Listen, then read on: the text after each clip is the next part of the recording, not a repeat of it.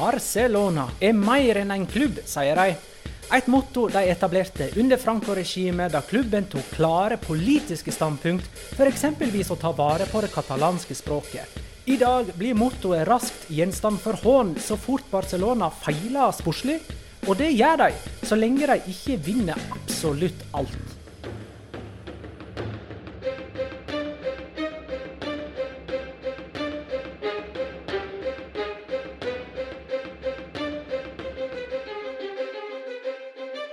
Jau! Dette er La Liga Loca sin fjerde av 20 spesialepisoder, der den kommende La Liga-sesongens lag blir gjennomgått episode for episode. Og nå Barcelona. Hva er det første du tenker på når du hører Barcelona, Petter?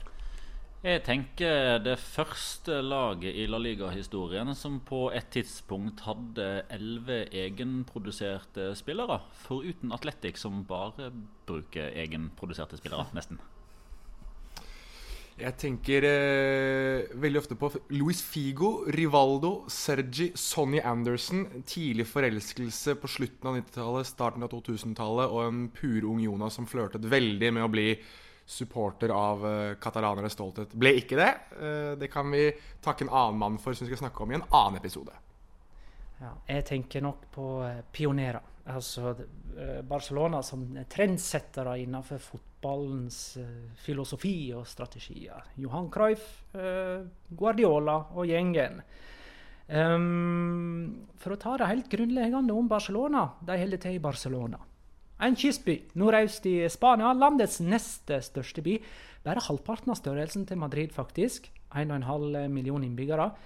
Og Madrid og Barcelona er de eneste to millionbyene i Spania. Eh, Barcelona er en kunst- og kulturmetropol med enorm turisme. Gaudi er en av kunstnerne, men det er òg Lionel Messi, som trekker folk i strie strømmer fra hele verden til kamp nå, som er Europas største stadion med en kapasitet på 99 000. Hvordan kommer man seg dit, da, Petter? Det gjør man ganske enkelt. Det er direkterytter fra eh, Oslo med Norwegian daglig. Bortsett fra tirsdag og onsdager i januar. Så pass på, ikke gå på den smellen. Da må du mellomlande. Det er jo veldig enkelt, da. Eh, og eh, stadion ligger litt vest for eh, bykjernen. Det kan være gangavstand hvis du liker å gå et stykke. Uansett tilgjengelig med alle fremkomstmidler. Både buss, bil, metro og elsparkesykkel, hvis de har det i Barcelona, da, vel å merke. Uh, treningsfeltet Ciudad Deportivo Joan Gamper ligger enda litt lenger vest. Litt ut mot der som Español uh, holder til. Ca. 20-25 minutter med bil fra La Rambla, hvis du skulle begynne ferden der. La Rambla, som vel er som paradegata, den, den store, kjente turistgata. Um, for øvrig pga. at Barcelona gjerne har involvert seg, altså klubben Barcelona gjerne har involvert seg politisk og slår ganske hardt i bordet eh, for, et, ja, for Catalonias selvstyre. Ikke nødvendigvis uavhengighet, men i alle fall et selvstyre. Så blir de ofte omtalt som Catalonias klubb. Noe som gjerne irriterer byrival Español grønt. Eh, de føler seg gjerne oversett og misforstått i, i, den forbindelse. Og vi kommer nok litt mer tilbake til det i Español-episoden, der eh, deres status i forhold til Barcelona nesten må diskuteres. Når det gjelder prestasjonene til Barcelona Vel, eh, de er La Ligas nest mest vinnende, med 26 ligatitler. Åtte av de kommer i løpet av de siste elleve årene. De kan skilte med å være eneste klubb i Europa som har vunnet trippelen to ganger. Altså La Liga, Copa del Rey, Champions League i 08-09 og 14-15. Eh, de vant for øvrig òg alle seks mulige titler i kalenderåret 2009-2009. La Liga, Copa del Rey, Champions League, Uefa Supercup, Supercopa og VM for klubblag. Real Madrid var ikke så veldig langt unna var det i 2017, men de vant ikke Copa del Rey. Mm. Så dette er Barcelona helt alene om i historien. Skal vi gå på heilag triangel? Der vi velger hver vår spiller eller personlighet vi mener representerer klubben på et eller annet vis, eller har et sterkt forhold til. Er det min tur nå til å bønne, tror jeg? Ja, det er det. Det blir mye Magnar de første fem-seks minuttene av eh, denne episoden. Min utvalgte er Ronaldo. Trenger jeg å presisere at det ikke er Cristiano? Nei. Ronaldo. Han hadde bare én sesong i Barcelona, i 96-97, men skåra altså 47 mål på sine 49 kamper og må ha vært på sitt fysisk aller beste akkurat da. For slik han herja på den tiden, var en latterliggjøring av motstandere. Og jeg kan ikke huske å ha sett Ronaldo så god senere, selv om han var god i mange år. Og hele den greia med Ronaldo minner litt om hele greia med Neymar, spør du meg. En annen brasilianer som har en profil i Barcelona.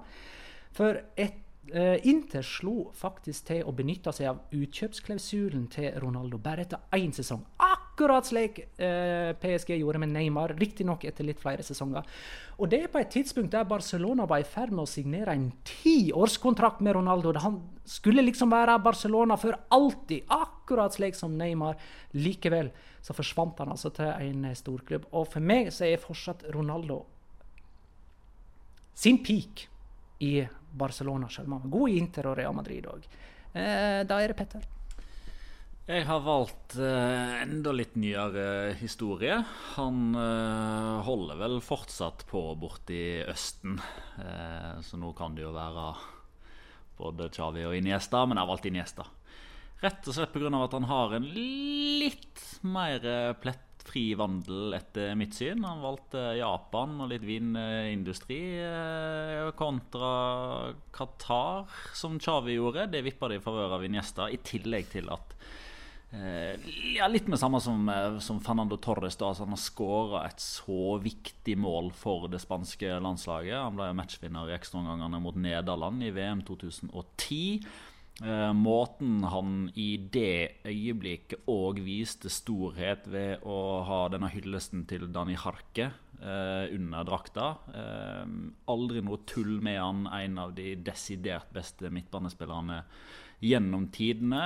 En del av personifiseringa av klubbfilosofien til Barcelona. Det var så silkemykt. Det gikk fort når det måtte. Det gikk treigt når det måtte. Han dikterte spillet på en måte som, som få andre har gjort, og tredde mest spillende gjennom tidene. Så det, André sine gjester står veldig, veldig sterkt for meg.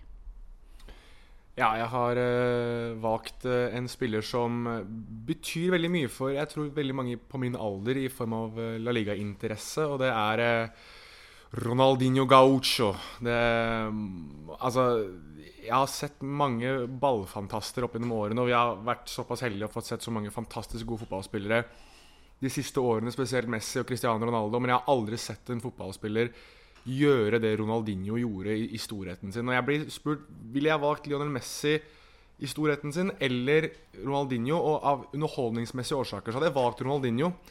Fordi når det kommer til dribleraid og det simpelthen med, med, å minne oss på det uskyldige, det morsomme, det, det, man forelsker seg i med fotballen, så representerte Ronaldinho det på alle mulige måter. Og samtidig så smilte han hele tiden. Det var en glede ved det å få lov til å være fotballspiller på såpass høyt nivå og vise at det, det trengte ikke alltid være så seriøst. Og så må vi selvfølgelig eh, legge til hans kamp mot Real Madrid for Barcelona på eh, Santiago Bernabeu i 2005 han skårer to mål og applauderes av banen av Real Madrid-supporterne fordi de rett og slett har sett noe de etter all sannsynlighet aldri kommer til å se igjen. Og det skjer ikke ofte at, uh, at uh, man applauderes av banen av erkerivalen, men Ronaldinho var såpass stor, såpass viktig og såpass ekstrem at det gjorde han, og det var fortjent.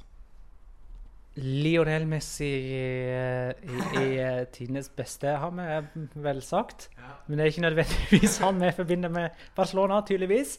Eh, han er òg tidenes dyreste Barcelona-spiller i verdi, eh, tror jeg kan være safe å hevde. Men hvem er den dyreste de har kjøpt?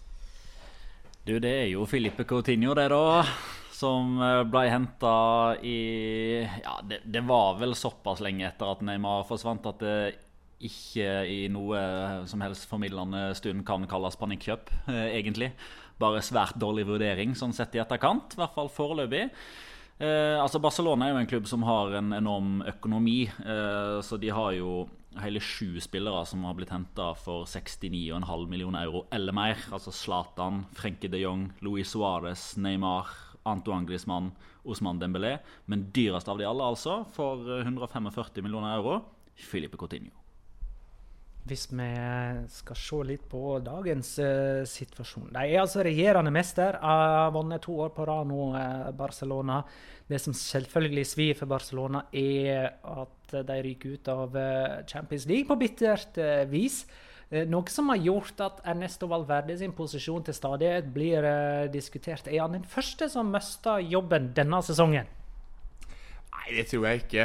Men uh, jeg tror uh, han fort kan sitte litt utrygt om han ikke virkelig overpresterer uh, det året her. Og, eller overpresterer er kanskje feil å si, fordi som du sa i innledningen her, Magnar Det er jo bare business as usual hvis Barcelona går hen og vinner alt. Og det tror jeg veldig mange supportere forventer, og at det skal gjøres på den måten som er barcelonsk, altså Tiki Taka-versjonen. Jeg syns Petter veldig, har en veldig god måte å formidle dette på. Hvordan mange Barcelona-supportere forventer kanskje langt mer enn det de burde av, eh, av Barcelona. Så jeg syns Petter egentlig kan få lov til å forklare litt hva han tenker om, om den situasjonen der.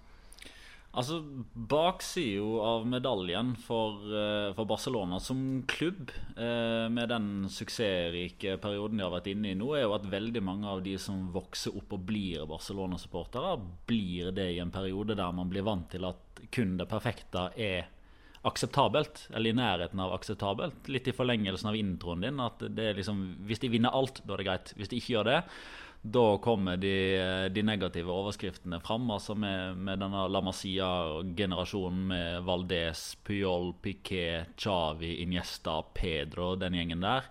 Eh, triplene i 2009 og 2015, måten man eh, var trendsettere med, med, forlengelsen av Tiki Taka med Pep Guardiola og alt det det har jo selvfølgelig vært en, det er en stor, stor, fargerik og viktig del av eh, historien og klubbidentiteten til Barcelona. Men det har òg ført med seg en helt ekstrem Kall det bortskjemthet og ambisjonsnivå blant den, eh, den unge, fremadstormende supportergruppa, som òg kan være litt fellende for de på sikt.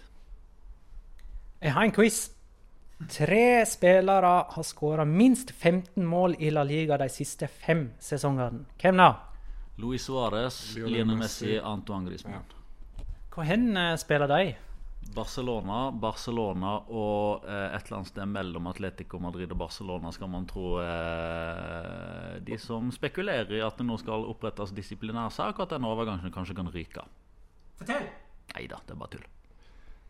Jo, men fortell likevel hvordan eh, Barcelona sikra seg eh, Grismann fra Atletico. Ta gjerne Atletico sin versjon av det. For den er, den er gøyest. Uh, Atletico Madrid uh, står jo knallhardt på et krav om at Barcelona skylder de ytterligere 80 millioner euro, i tillegg til de 120 millioner euroene som de har måttet betale. Han hadde jo en utkjøpsklausul uh, i kontrakten sin som han skrev med Atletico Madrid sommeren 2018, som var på 200 millioner euro. I kontrakten så sto det òg at fra og med 1.7.2019 og ut dette overgangsvinduet da, så ville den bli senka til 120 millioner euro. Atletico Madrid hevder og de mener å sitte på bevis for at Antoine Griezmann allerede i mars ble enig med, Barcelona om sin, eh, sin personlige kontrakt.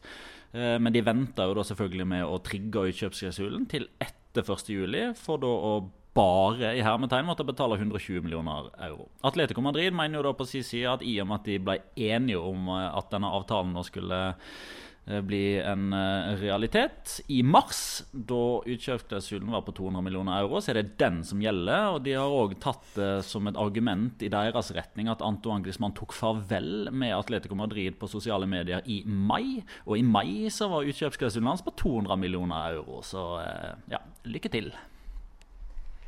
Når det gjelder kommende sesong, tar de Ok, Tar de steget i Champions League og beholder steget i La Liga, uh, lurer jeg på. Det er et veldig veldig godt spørsmål. Svaret er eh, vanskelig å komme med, synes jeg. Rett og slett fordi jeg synes ikke de har forsterket seg noe særlig der de burde forsterke seg. Jeg synes de, Det er klare spørsmål med, med tanke på har de en klar høyrebekk. Eh, har de et ordentlig godt Kall det neste forsvarer da, etter Piquet og Longlet. er, er Omtiti Er han skadefri? Kan han spille en hel sesong? Kanskje hadde trengt litt forsterkninger der. Eh, skulle de hatt en litt mer robust mann på midtbanen som kunne avlaste Sergio Busquets litt mer?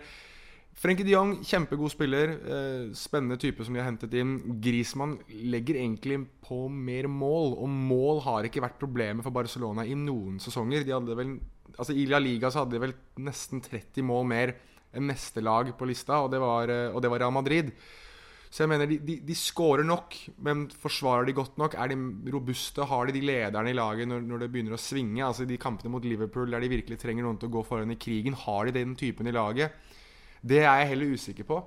Um, så jeg synes det er store spørsmål. Jeg synes ikke de ser noe sånn markant bedre ut. Ja, de, er, de, er, de har mer eh, utvalg i angrep, og de har en midtbanespiller som på sikt kommer til å bli ekstremt god, men, men, nei, det er ikke noe ved det laget som per nå får meg til å tenke Oi, dette her er et lag som kommer til å gå hen og vinne Champions League. Altså Skal du snakke på europabasis, så ser jeg heller på et lag som Juventus, som har forsterket seg der de har trengt å forsterke seg mer enn det, enn det Barcelona har. Um, hva angår La Liga ja, der uh, tror jeg de er uh, favoritter, sammen med uh, de hvitkledde fra Madrid, som vi skal inn på etterpå.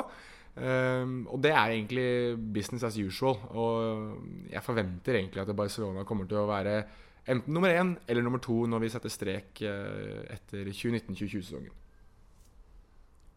Jeg føler de de er helt i favorittsjiktet i Champions League. Eh, sånn på generell basis i forkant av alle sesonger så er Barcelona en klubb som alltid skal nevnes der, og det, det, det skal de òg. Altså, jeg, jeg, føler litt sånn post Anfield så er det sånn vi, vi glemmer liksom at de var, de var ett mål unna en finale. Det var ikke sånn at de røyk i åttedelsfinalen eller i gruppe gruppespillet. Det, altså når, man, når, man, snakker om den enorme Barcelona-nedturen på Anfield, så er jo det resultatet og prestasjonen og kollapsen i seg sjøl. Ikke hvor langt man kom i Champions League, mener jeg. Uh, og man ryker ut 4-3 sammenlagt mot uh, det laget som til slutt vant bøtta. Uh, jeg syns de har Altså Akkurat nå så syns jeg troppen ser bedre ut. Fordi Antoine Griezmann og Frenke de Jong er bedre enn de som har forlatt klubben. Så jeg syns Barcelona ser sterkere ut, men jeg følger samtidig argumentet for at de posisjonene i laget som man hadde noen spørsmålstegn rundt forrige sesong, altså høyreback, hvem skal ta over uh, for Jordi Alba når den tid kommer, uh, balansen på midtbanen, det fysiske aspektet på midtbanen. Men de spørsmålstegnene var der forrige sesong òg, og man var bare en halvtime da, unna Champions League-finaler likevel. Det forteller litt om hvor nivået sånn generelt ligger. Og så er jeg veldig spent på også, Selv om jeg er enig i alt det Petter sier her, så er jeg også veldig spent på hvor man ender opp med Neymar. For det er jo i det vi sitter og spiller inn dette, så er jo det det som preger nyhetsbildet i eh, Spania eller i Barcelona, er hver eneste dag så er det nye opplysninger om hvorvidt Neymar kan være på vei tilbake til Barcelona. Og jeg synes vinden blåser mer og mer i retning at han kommer til å returnere til Barcelona. Og da sitter vi med en angrepskvartett da, med Messi, Neymar, Griezmann og Suárez. Og da de vant trippelen sist, i 2015, så var det jo litt fordi de neglisjerte mesteparten av Eller resten av laget og egentlig hadde et angrep som ingen hadde sett uh, altså lignende til. Mm, det er vel egentlig en angrepskvintett med Dembélé òg. Han er en milliardmann. Ja, Spørs om han rekker trening, da. Han pleier å være for sein til de for å spille Fortnite. Men hvis han rekker trening og rekker uh, turer og sånn, så kan jo han definitivt være en å regne med, han også. Var ikke det en som sa han må gjerne komme for seint så lenge han scorer tidsnok? Jo, og det er jo for så vidt riktig. Men uh, jeg tror at det er vanskeligere for ham å få lov til å score på riktig tidspunkt når han har den kvartetten foran seg. Uh, eller potensielle kvartetten foran seg. Men uh, definitivt altså, han har et kjempepotensial. Og hvis han også er i, troppen, da begynner vi å snakke Nei, det er La Machina-laget til River Plate som kanskje hadde på 50-60-tallet som hadde en bedre angrepskvintett.